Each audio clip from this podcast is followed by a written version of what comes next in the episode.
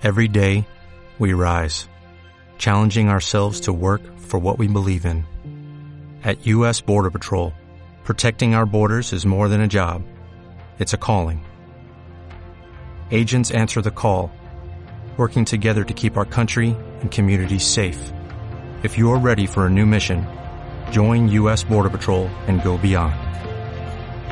Learn more at cbp.gov/careers. Bona vesprada. Comença Xoc Lliure, el programa sobre l'esport pusolenc i valencià amb valors, presentat per un servidor, Arnau Llibertat. Recordeu que podeu seguir-nos a Twitter, arroba Xoc Lliure.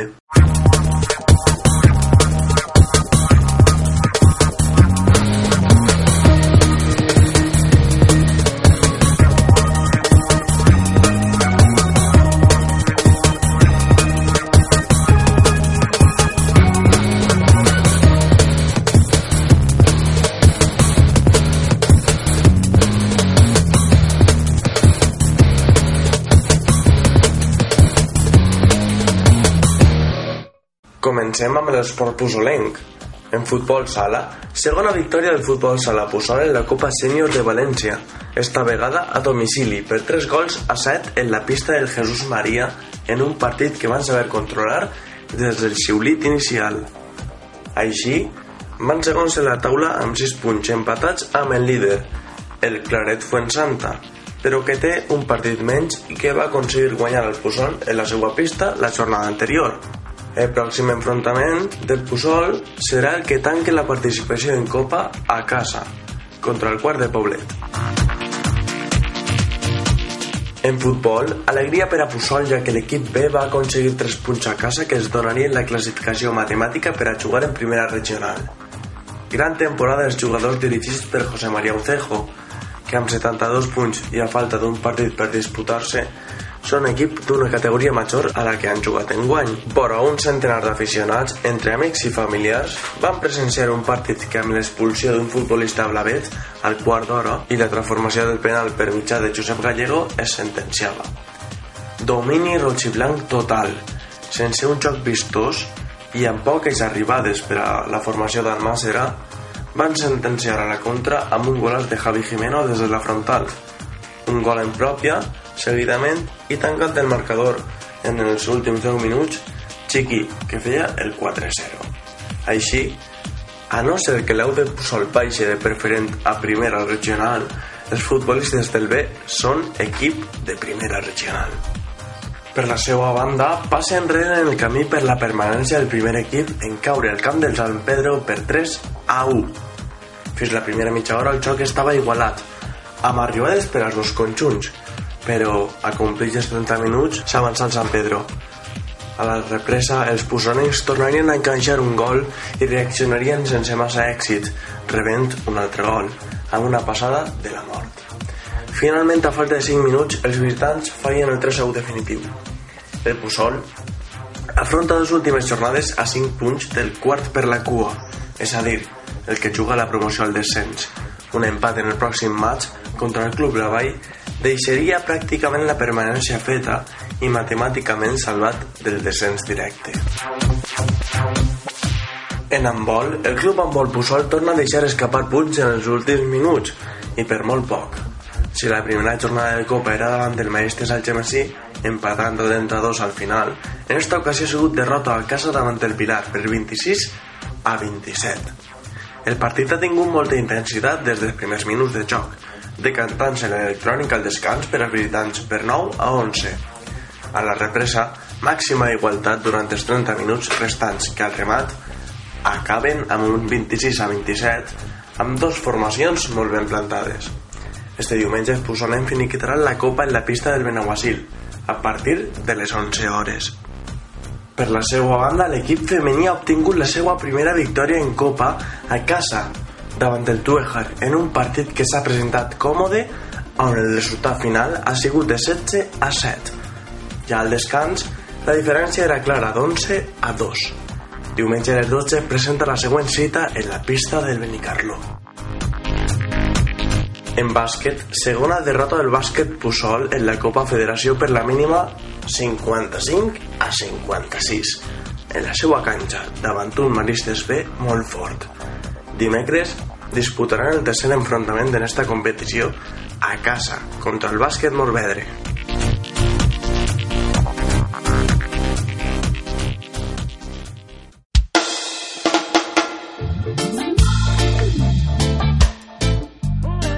Acabem avui el programa parlant de senderisme. El senderisme és una activitat esportiva que consisteix a recórrer a peu senders o camins senyalitzats i homologats, que habitualment serveixen com a itineraris de caràcter excursionista, cultural o geogràfic, i a més, solen ser per muntanya. Les marques que indiquen el camí solen ser de diferents colors i dos línies que mostren el tipus de camí, Roig i blanc significa sender de gran recorregut. Així, a Puçol, naix el GR10 des de la falda del Picallo, que va fins a Lisboa. El blanc i roig significa sender de xicotet recorregut. Trobarem una gran diversitat d'estos dins la Serra Calderona.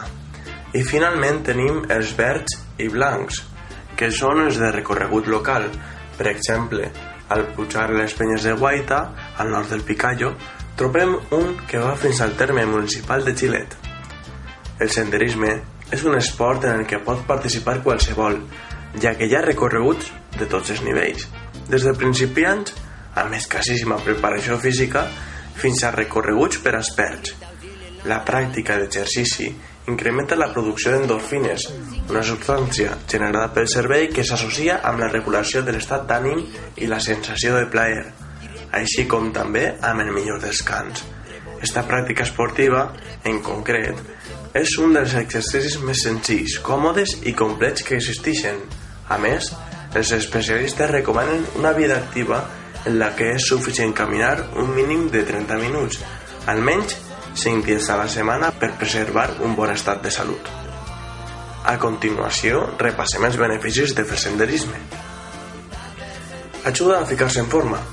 Per a caminar pel camp o per la muntanya, com ja hem dit, no cal ser un superatleta. Qualsevol distància que fem sempre es reflectirà en el nostre estat físic, millorant i augmentant la nostra capacitat pulmonar i la nostra resistència. De la mateixa forma, el constant moviment fa que perdam calories i a la volta que pergam pes i grasa corporal de forma saludable.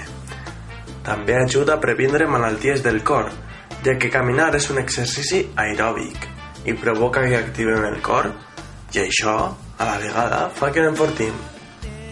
També ajuda a ser més optimistes i sentir-nos millor amb nosaltres mateixos. Amb l'esport, en general, es generen endorfines que són hormones imprescindibles per a la salut mental, però en el senderisme en particular s'aplega a una comunió entre nosaltres i la pròpia naturalesa, que ens fa allunyar-nos de les grans ciutats, del soroll, de la contaminació... També ajuda a respirar aire pur, ja que en plena naturalesa l'aire que respirem és de qualitat, al contrari que en plena ciutat. Això ens permetrà netejar els nostres pulmons i que al practicar de forma periòdica el senderisme puguem aconseguir respirar millor i disminuir el risc de patir malalties respiratòries. De la mateixa manera que ajuda a pal·liar els dolors d'esquena. Caminar, com ja hem dit, ajuda a relaxar-nos i molts de problemes que causen els dolors d'esquena tenen una estreta relació amb les tensions acumulades en un punt concret de la nostra musculatura dorsal. Ajuda a reduir la tensió alta. Si tenim la tensió arterial alta, aquest exercici ajuda a disminuir-la, ja que està directament relacionada amb que siga una activitat cardiovascular. Ajuda a socialitzar, ja que existeixen grups i clubs de senderistes, com el grup de senderisme de Puçol, en el que nombrosos aficionats es reuneixen per a practicar-lo. I ajuda a previndre la osteoporosis, millora l'artritis i redueix l'ansietat. A més a més, pots fer-ho amb xiquets i xiquetes. Puçol és un poble privilegiat, on tenim horta, marxal, muntanya i platja. Per tant, el senderisme el podem practicar en estos diferents espais. El Picallos la porta a moltes excursions interessants, com al cim de la pròpia muntanya, a Sant Esperit, Penyes de Guaita i molt més. I fins així, joc lliure. Recordeu que podeu seguir-nos a Twitter, arroba xoclliure. Moltes gràcies per la vostra atenció i fins la setmana que ve. Lliure, lliure, lliure, lliure, lliure, soy.